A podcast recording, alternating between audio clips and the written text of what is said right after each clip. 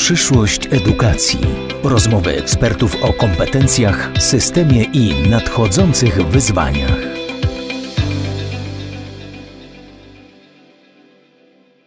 Witam serdecznie w kolejnym podcaście z podznaku Open Eyes Economy. Ja nazywam się Bartłomiej Biga, a moim gościem jest twórca Open Eyes Economy, profesor Jerzy Hauser. Dzień dobry, panie profesorze. Witam, witam cię, Bartek. Porozmawiamy dzisiaj o raporcie którego profesor Hauser jest y, redaktorem. Poza horyzont, kurs na edukację, przyszłość systemu rozwoju kompetencji w Polsce. Wydawcą tego raportu jest Fundacja Gospodarki i Administracji Publicznej, a autorami osoby, które są zarówno badaczami, jak i praktykami. Mamy tam osoby z Małopolskiego Centrum Doskonalenia Nauczycieli, z Uniwersytetu Jagiellońskiego, z Uniwersytetu Ekonomicznego w Krakowie, z Szkoły Głównej Handlowej, z Polskiej y, Akademii Nauk. Zastanawiali się Państwo nad tym, jaka jest e, przyszłość edukacji, ale jak każdy raport, jest tam też spora część diagnostyczna. I tutaj myślę, że wiele osób ma problem, bo z jednej strony dostrzegamy wszystkie bolączki tego systemu, które zawsze kojarzą się nam z takim pruskim modelem edukacji, który do dzisiejszych standardów niezbyt przystaje, który takich niekoniecznie kreatywnie myślących ludzi kształci, a z drugiej strony, kiedy patrzy się na porównawcze badania, na to, jak wypadają nasi uczniowie w międzynarodowych testach, to jest naprawdę bardzo dobrze. Jesteśmy tuż za Finlandią, na którą się Państwo często powołują. Jaka jest prawda? Jaki stan dzisiaj jest e, polskiej edukacji? To zależy z jakiej y, perspektywy, z jakiego punktu widzenia ją oceniać. No jeśli y, mm, poprzez pryzmat tych badań, międzynarodowych badań PISA, y, to oczywiście mm, wyniki polskich nastolatków, uczniów szkół podstawowych, tych starszych klas i licealistów są wynikami porównawczo korzystnymi. Tylko pytanie, co te mm, badania badają. One badają pewien typ sprawności, e, zarówno związanej z obliczeniami, jak i rozumieniem tekstu. E, to oznacza, że nasza szkoła, gdy chodzi o kształtowanie takich podstawowych umiejętności, sprawności intelektualnych, niewątpliwie jest szkołą, która swoje zadania wypełnia. E, nasi e, absolwenci, e, nasza młodzież no, nie musi się wstydzić w relacji do młodzieży innych krajów, tylko mm, jeśli na to byśmy spojrzeli z innej strony, na tyle, na ile nie widzimy tylko szkoły, a widzimy pewien proces rozwojowy, zarówno osoby, jednostki, ucznia, przyszłości studenta, jak i rozwój e, społeczności, czy szerzej kraju, społeczeństwa, narodu, no to wtedy trzeba się zastanawiać, czy te sprawności, e, które nasza szkoła kształtuje dobrze, a można nawet powiedzieć, że więcej niż dobrze, dobrze plus, czy to rozwiązuje problem, o którym warto dyskutować, czyli w jaki sposób kształtować nowoczesne kompetencje. A te nowoczesne kompetencje nie mogą się sprowadzać do umiejętności liczenia czy czytania ze zrozumieniem. One nie mogą zamykać się w tym, czym jest intelekt, czyli sprawność umysłowa. One muszą dawać podstawę do czegoś, e, co idzie znacznie dalej, a mianowicie do tego, żeby ludzie potrafili adaptować się do różnych warunków e, pracy zawodowej i relacji społecznych, e, by byli w stanie kształtować swoją drogę życiową, drogę zawodowo-życiową, czy w związku z tym rzeczywiście są przygotowani od strony właśnie budowania takiego doświadczenia, przyjmowania odpowiedzialności za swoje życie, umiejętności kształtowania, samorozwoju, a jednocześnie czy są przygotowani również do tego, by robić to w relacji do innych, by budować partnerskie współdziałanie. I tutaj y, nasze diagnostyczne oceny są bardzo krytyczne, że nasza szkoła jest dobra, gdy chodzi o transmisję od nauczycieli do uczniów, a znacznie gorsza, gdy chodzi o rozwijanie różnych predyspozycji y, uczniów, przy okazji mm, zresztą też mówimy, że poziom e, pracy nauczycieli, ich kompetencji jest bardzo zróżnicowani. Właśnie często bardzo jednostronnie ci nauczyciele byli przygotowani w tym samym systemie edukacji, który reprodukuje tę jedną perspektywę, perspektywę transmisji wiedzy e, do ucznia od nauczyciela i perspektywę e, właśnie takiego sprawnościowego, umiejętnościowego widzenia edukacji. Czy właśnie w tym należy upatrywać przyczyn bolączek, które ma nasze społeczeństwo, niskiego poziomu zaufania, czy w ogóle słabości naszego społeczeństwa obywatelskiego? I co by się musiało zmienić, żeby było lepiej pod tym względem? Czyli teraz nie patrzymy na absolwenta jako na kogoś, kto ma podjąć pracę, bo to jedna grupa kompetencji, ale patrzymy na obywatela. Co by się musiało zmienić, żeby ten obywatel bardziej ufał, żeby bardziej angażował się w budowanie społeczeństwa obywatelskiego? Tutaj zależności e, nie są jednostronne. Można powiedzieć, to rozumowanie, które się czasami narzuca, no skoro szkoła jest taka, to ci przyszli dorośli, e, przyszli obywatele, no nie są e, osobami, które reprezentują na przykład e, ten poziom ufności, zaufania, zdolności do komunikacji z innymi i współdziałania na wystarczającym poziomie, no to moglibyśmy powiedzieć, że aha, winna jest szkoła, a przecież to nie jest tak, że szkoła jest czymś poza społeczeństwem, że szkoła jest czymś odrębnym. Na pewno to jest jakiś rodzaj systemu, który ma swoje domknięcia i swoje odrębności. W naszym przypadku zresztą te granice pomiędzy tym, co jest e, w szkole, a tym, co jest poza szkołą, są e, e, silne, a, a nawet w tej chwili fizycznie są zwiększane ze względu na wymogi bezpieczeństwa.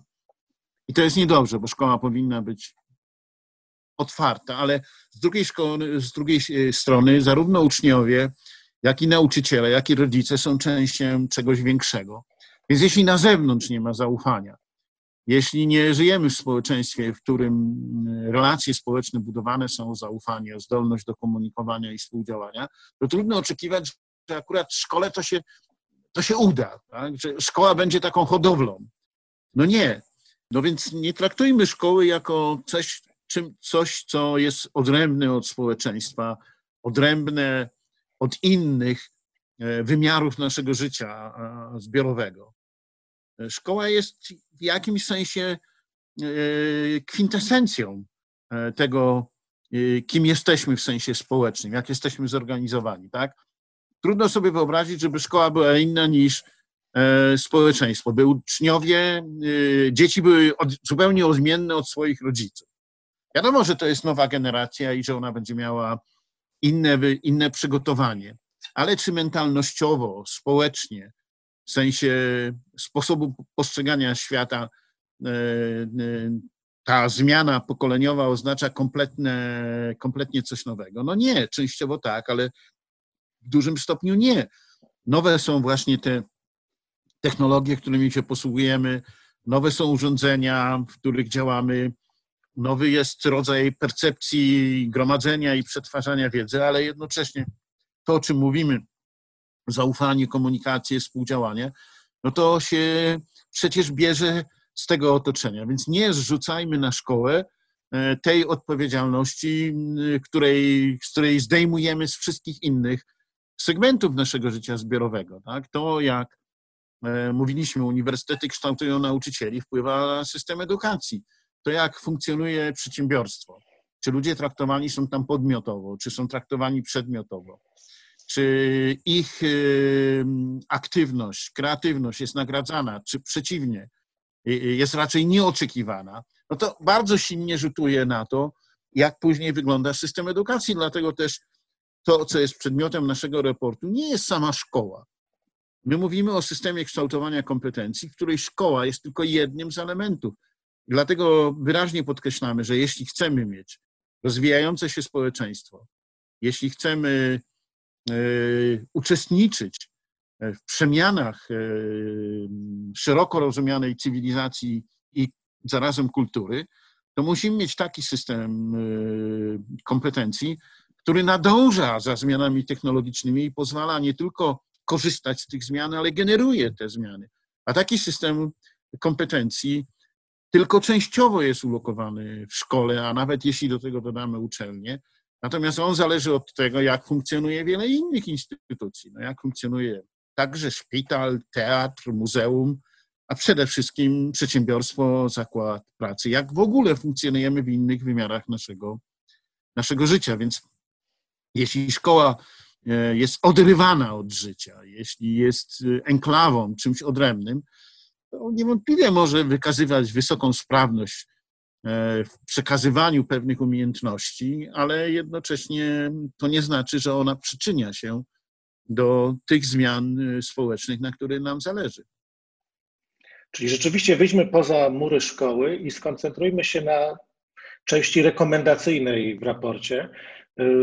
Co konkretnie mógłby zrobić burmistrz, prezydent miasta, któremu edukacja leży na sercu, który boryka się z tym, że pieniądze, które dostaje y, z rządu, nie wystarczają, z trudem wystarczają na pokrycie podstawowych y, kosztów działalności szkół, ale dostrzega potrzebę tego, żeby szkoły czy w ogóle kształcenie na jego terenie było na najwyższym poziomie. Co taka osoba, taki burmistrz, taki prezydent miasta mógłby zrobić?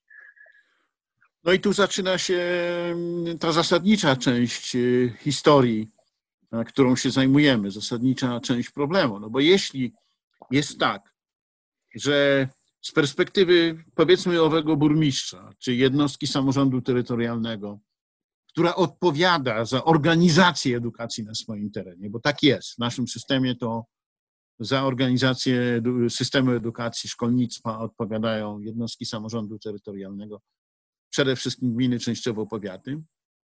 To oczywistą jest rzeczą, że jeśli na wszystko brakuje pieniędzy, a przede wszystkim brakuje na wynagrodzenia dla nauczycieli, na wywiązanie się z zobowiązań, które są ustawowe, a więc ustalane na, na szczeblu centralnym, ale powinny być finansowane na poziomie lokalnym.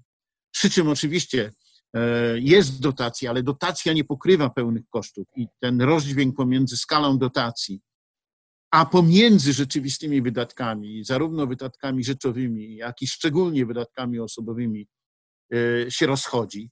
A zwłaszcza teraz, kiedy ze względu na pandemię e, jednostki samorządu terytorialnego utraciły znaczącą część swoich dochodów.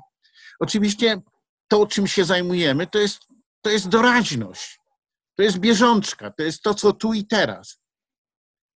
Jeśli chcemy, e, aby szkoła była włączona w nurt życia i rozwoju, to oczywistą jest rzeczą, że to nie chodzi o to, żeby zdjąć wszelkie troski za mm, zorganizowanie, za finansowanie.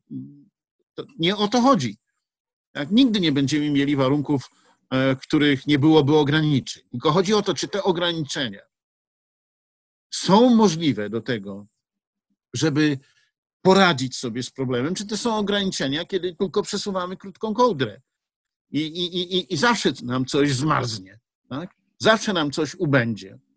W związku z tym, jeśli chcemy widzieć szkołę jako element rozwoju miasta, a tak na nią powinniśmy spoglądać, to oczywistą jest szkołą, że burmistrz powinien zastanowić się, jaki powinien być system, w którym następuje połączenie tego, co istnieje w szkole, z tym, co się dzieje w uczelni, a tym, co się dzieje szkole i uczelni, z tym, co się dzieje w zakładach pracy, a także co się dzieje w instytucjach wspomagających. Na przykład istotnym elementem kształtowania nowoczesnych kompetencji jest wyobraźnia, a kształtowanie wyobraźni jest łatwiejsze, jeśli włączy się w to instytucje kultury. W związku z tym pytanie nie brzmi e, tak, a czy dzieci mogą chodzić do teatru? Nie chodzą. To nie chodzą z rodzicami, nie chodzą ze szkołą. Problem polega na tym, czy dzieci uczestniczą w jakimś procesie edukacyjnym, w którym jest obecny teatr. Jest obecny rodzaj języka, który teatr proponuje. A to powinno polegać na tym, że jedną z instytucji kształtującą tę nowoczesne kompetencje także wyobraźnię, tę wyobraźnię miejską. Są teatry miejskie. Otóż tak tworzony system wymaga przestrzeni związanej z czasem, z możliwością po prostu testowania różnego rodzaju rozwiązań, pewną swobodą, którą musimy mieć. Jeśli istnieje natomiast przeładowana rama programowa, która obowiązuje szkoły i nauczycieli, dyrektorów szkoły, którą trzeba zrealizować, bo to jest punkt oceny nauczycieli. Nawet teraz, w czasie pandemii, to, z czego się rozlicza nauczycieli, to jest z ilości czasu, który poświęcają na odrobienie lekcji i czy zrealizowali podstawę programową. To znaczy, że nie ma przestrzeni na ten kontakt z życiem, że jest po prostu jakieś zadanie do wykonania. Jeśli tego, tych zadań do wykonania, tego materiału, który jest do przerabiania, jest tak dużo, to jednocześnie nauczyciel znajduje się w sytuacji, w której oczywiście w dużo większym stopniu stara się wykonać te zadania, niż działać wspólnie z uczniami na rzecz ich rozwoju. I tu chcę podkreślić, że albo te wszystkie mechanizmy, które opisujemy, utrwalają obecny porządek rzeczy, a w sytuacjach kryzysowych wywołują, to wywołuje jeszcze większe napięcie jeszcze większe zmechanizowanie, zinstrumentalizowanie tego systemu, albo przeciwnie. W tym systemie stwarzamy nowe przestrzenie, no między innymi przez inny sposób kształcenia nauczycieli, przez e, wprowadzanie pewnych rozwiązań instytucjonalnych, które my e, proponujemy, a które w Polsce kiedyś istniały, także i przed wojną, i, i po II wojnie światowej, na przykład szkoły ćwiczeń, które są e, szkołami, w których nauczyciele odbywają staże. To są szkoły prowadzone też pod nadzorem uniwersytetów, wybitnych pedagogów, gdzie można zdobywać doświadczenie, ale także radę. Więc my proponujemy szereg rozwiązań, których w momencie, w którym brakuje pieniędzy na utrzymanie szkoły, trudno sobie wyobrazić, że będziemy w stanie utrzymywać szkoły ćwiczeń. Jak nie ma na utrzymanie elementarnej, podstawowej działalności szkoły. Więc to wszystko, mówiąc prosto, kręci się i daje nie najgorsze efekty w porównaniach międzynarodowych, ale to nie jest to, o, o, o czym my mówimy, proszę zauważyć, że nasza perspektywa to nie jest perspektywa roku 2020. My mówimy o perspektywie roku 2050. Co trzeba robić dzisiaj, żebyśmy sprostali wyzwaniom, które stoją przed wszystkimi w świecie, wyzwaniom, które są globalne. My, Polacy. Co trzeba robić teraz? Jaki system, nie jakie kompetencje, tylko jaki system kształtowania kompetencji musimy dzisiaj zacząć formować, żebyśmy byli w stanie nowe pokolenia, nowe generacje e, kształcić w zupełnie innym e, systemie. Systemie, w którym relacyjność, w którym otwartość na poszukiwanie, zdolność do nie tylko udzielania odpowiedzi, ale formułowania pytań, gdzie prawo do eksperymentu, prawo do popełnienia błędu są integralnie wkomponowane, właśnie dlatego, że te kompetencje nie są z góry dane. One nie mogą być zadane. Ważne jest to, żeby te kompetencje były stale odnawiane, stale rozwijane, ponieważ świat się tak zmienia pod względem technologicznym, pod względem nowych wyzwań, że utrzymywanie tego na zasadzie budujemy programy nauczania i przez pięć lat realizujemy ten sam program, nie ma sensu. Po pięciu latach, te, gdy ten ktoś rozpoczyna studia i po pięciu latach wychodzi, to to, z czym się zetknie, nie istniało bardzo często pięć lat wcześniej to już będzie norma. My nie możemy, szkoła nie może kształcić na wczoraj. Szkoła nawet nie może kształcić na dziś, musi kształcić na jutro. W raporcie piszą Państwo rzeczywiście o tym, że potrzebujemy przyzwolenia na eksperyment, że nie możemy narzucać nikomu zamkniętego katalogu wartości. I przy tych wartościach na chwilę się zatrzymajmy, ponieważ Open Eyes Economy to ruch ekonomii wartości. E, państwo podkreślają, że te wartości one są społecznie wytwarzane, one muszą być codziennym doświadczeniem, które wynika z zachowania jednostek i z relacji i że tylko wtedy one mają sens, kiedy nie są nadzwyczajne i heroiczne, tylko są codziennością. Ale czy to oznacza, że te wartości powinny być negocjowalne? Innymi słowy, czy możemy się zgodzić, że różny zestaw wartości będzie y, funkcjonował w różnych szkołach, że będziemy mieć szkoły podstawowe działające w różnych systemach wartości? Ja bym tego tak nie widział, dlatego że unikałbym yy, używania określenia system wartości. bo system jest czymś zamkniętym, skodyfikowanym do pewnego stopnia. Ja bym powiedział tak, że we wszystkich działaniach, jakikolwiek działaniach, zresztą to jest podstawowa myśl e, Open Eyes ekonomii, ekonomii wartości, że we wszystkich naszych działaniach nie wolno nam pomijać tego aspektu aksjologicznego, aspektu związanego z wartościami i aksjologią.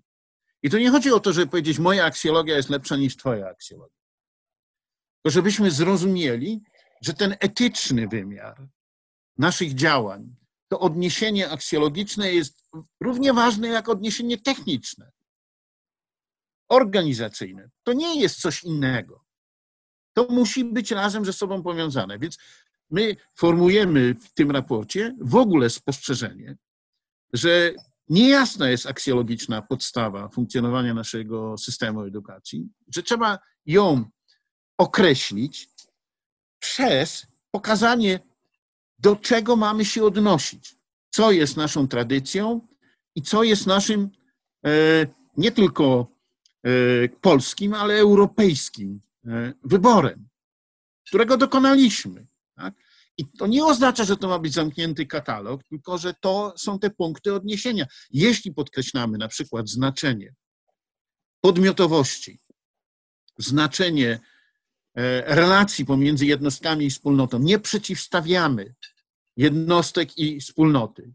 Jeśli podkreślamy tę odpowiedzialność e, nauczyciela za rozwój swoich uczniów, a nie tylko za przekazywanie wiedzy, jeśli mówimy, że nauczyciel jest także opiekunem, jest także wychowawcą, to nie mówimy, że on ma zadawać uczniom zadania pod tytułem e, proszę, cytuj, deklaruj, obiecuj i tak dalej. Natomiast, że tak działa w codziennych warunkach, warunkach kontaktu z uczniami, żeby to rzeczywiście się wytwarzało. Jeśli mówimy zaufanie, to budujmy nasze relacje w oparciu o zaufanie. Jeśli mówimy godność, godność każdego, to działajmy tak, żeby ta godność była szanowana.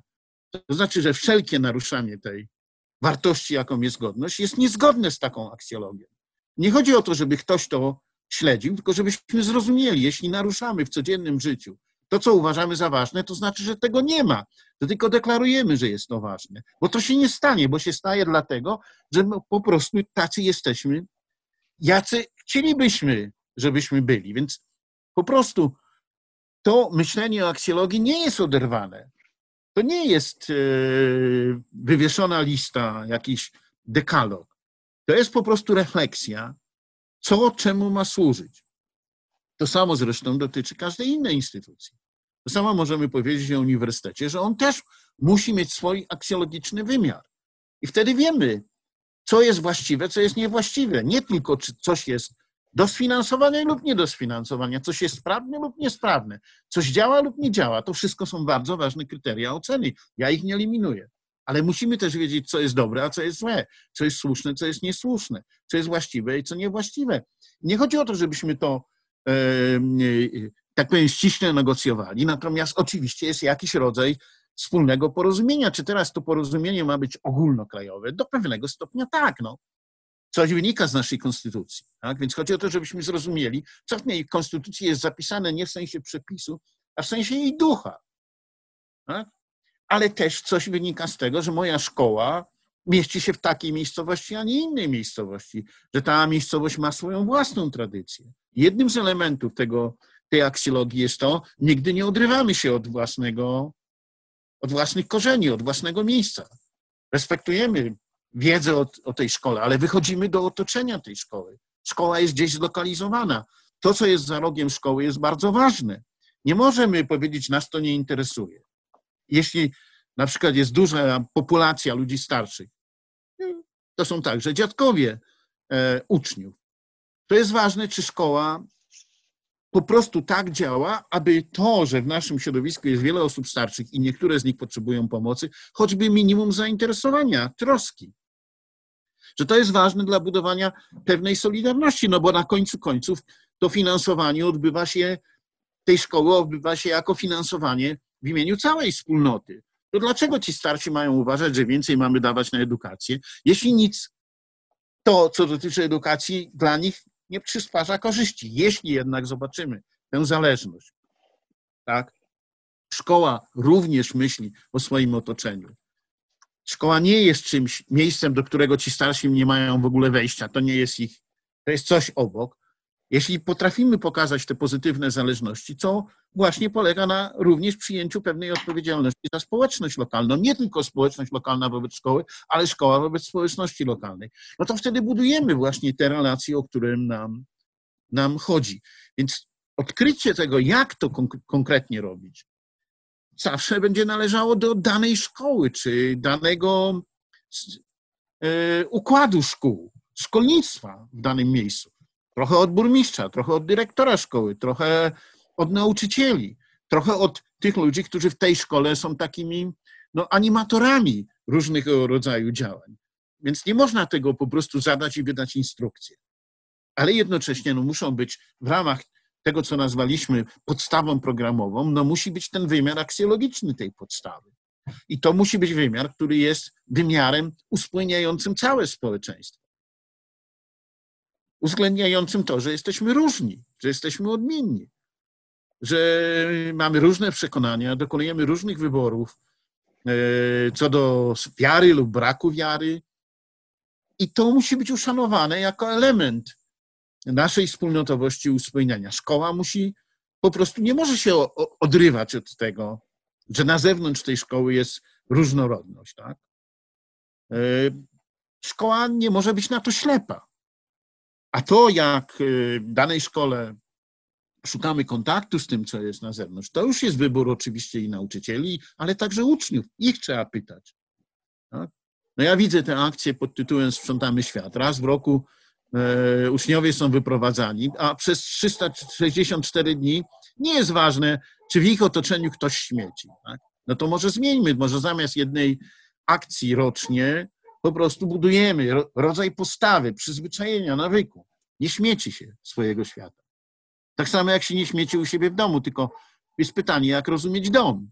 Tak? Jeśli dom rozumie się szerzej niż tylko moje miejsce zamieszkania, jeśli w ogóle zresztą rozumie się, co to jest dom, bo czymś innym jest miejsce zamieszkania, a czymś jest dom, to to jest tylko kwestia, do jakiego stopnia się poczuwam e, zdolny do uogólnienia tego wszystkiego. Nie ma przyrody, która jest przyrodą e, mojego sąsiedztwa. No. Moje sąsiedztwo oczywiście na mnie oddziaływuje szybko, ale to, co jest trochę dalej, także na mnie oddziaływuje. Więc jeśli ja niszczę swoje najbliższe otoczenie, to jednocześnie niszczę otoczenie innych ludzi, tak? A oni robią tak samo, no więc na końcu albo to dostrzegamy i dostosowujemy się do tego i właśnie szkoła jest tym miejscem, w którym wypracowujemy to w codziennym doświadczeniu. W codziennym doświadczeniu, tak? We wzajemnym pokazywaniu dobrego przykładu i złego. I nie koniecznie karaniu i piętnowaniu, ale uzmysławianiu tego wszystkiego. No a to właśnie wiąże się z tym, czy my widzimy, że jest lekcja wychowawcza i na lekcji wychowawczej to my o tym możemy rozmawiać, ale na przykład na matematyce, czy na historii, czy na geografii, czy na języku polskim, to już o tym nie rozmawiamy. No to jest kwestia na przykład matematyki, jakie dajemy przykłady. Jeśli do uczenia umiejętności matematycznych dajemy przykłady, które właśnie niosą w sobie pewną treść, no to jednocześnie właśnie wychowujemy, budujemy te nawyki. Tak? I przez to zresztą lekcja matematyki może być o wiele ciekawsza. Panie profesorze, rozmawiamy y, o tym, co już zostało napisane w raporcie Poza Horyzont Kurs na edukację, przyszłość systemu rozwoju kompetencji w Polsce, ale to nie koniec naszego zainteresowania tym tematem. Zbliżamy się do piątego kongresu Open Eyes Economy Summit już w listopadzie. Które z tych wątków, o których mówimy, które z tych wątków, które są zarysowane w raporcie, będą rozwijane w listopadzie na kongresie, czy w ogóle w najbliższym czasie w ramach ruchu Open Eyes Economy? W zasadzie mógłbym powiedzieć, że każdy, no ale chce coś mocniej zaakcentować. No, na przykład my bardzo mocno pokazujemy, jakim wyzwaniem dla systemu kształtowania kompetencji są zmiany technologiczne. A przede wszystkim to, co się obecnie nazywa sztuczną inteligencją, czy mm, ucyfrowieniem e, gospodarki. E, w związku z tym ten świat cyfrowy jest dzisiaj ważnym, istotnym i krzyżującym się w różnych miejscach wymiarem naszej egzystencji e, równie ważnym jak ten świat, który nie jest cyfrowy, tak? ten świat fizyczny. Świat wirtualny i świat realny, one się dzisiaj wzajemnie przenikają. Tak? Tu się nie da powiedzieć, że e, możemy być w jednym, a w drugim się nie. No, musimy być w obydwu. Tak? W związku z tym pojawia się oczywiście szereg możliwości i szereg zagrożeń. E, I, my te zagrożenia obserwujemy, również to zagrożenia, które wiążą się z uzależnianiem uczniów od obecności w świecie cyfrowym i odrywaniu ich od świata realnego, czy przenikaniu do, poprzez świat cyfrowy fałszywych informacji, fałszywej wiedzy, e, instrumentalizacji e, zachowań innych ludzi. To są wszystko rzeczy, które realnie istnieją i które dotyczą zarówno młodych ludzi, jak i dotyczą nas, dorosłych. Tak? W związku z tym uczenie nawyków e, oceny krytycznej informacji jest jednym z tych istotnych elementów, który pozwoli później na to, że ci przyszli dorośli nie będą rozwijali, nie będą akceptowali rozwiązań technologicznych, które uprzedmiotawia człowieka, które czyni go zależnym. W związku z tym my podkreślamy, że tu nie chodzi o to, żebyśmy się odrywali od świata nowoczesnych technologii. Nie, no musimy być częścią e, tego świata, ale chodzi o to, żebyśmy zrozumieli, że w tym świecie są możliwości i zagrożenia że istnieją również złe zastosowania, niegodne, nieludzkie zastosowania nowoczesnych technologii, bo każda technologia może służyć czemuś dobremu. W związku z tym my mamy na OS-ie temat człowiek w środowisku sztucznej inteligencji i podkreślamy, że nie chodzi o to, żeby człowieka dostosowywać do sztucznej inteligencji, tylko przeciwnie. To znaczy, żeby sztuczna inteligencja była dostosowana do naszego wymiaru ludzkiego, do humanizmu, żeby nie była przeciw człowiekowi. Ona ma służyć człowiekowi, a nie być przeciwko człowiekowi użyta. Tak? No więc jeśli chcemy, to oczywiście muszą mądrzy ludzie, odpowiedzialni, ludzie postępujący etycznie, nie tylko tworzyć te technologie, ale także je użytkować. Mamy przecież do czynienia z wieloma nieetycznymi zachowaniami w sferze e, technologii, zresztą bardzo poważnymi zagrożeniami związanymi z tym bezpieczeństwem, bo i to nie jest tylko problem technologiczny, to jest także problem etyczny. E, oczywiście nie chodzi o to, by jedno wykluczyć, a drugie powiedzieć jest ważniejsze. Jedno i drugie trzeba połączyć. Weźmy sobie kwestie, o których wspominałem, o zmianach klimatu. My mamy na ESie temat antropocen, czyli świadomość, że dzisiejsze nasze środowisko jest środowiskiem i natury, i człowieka.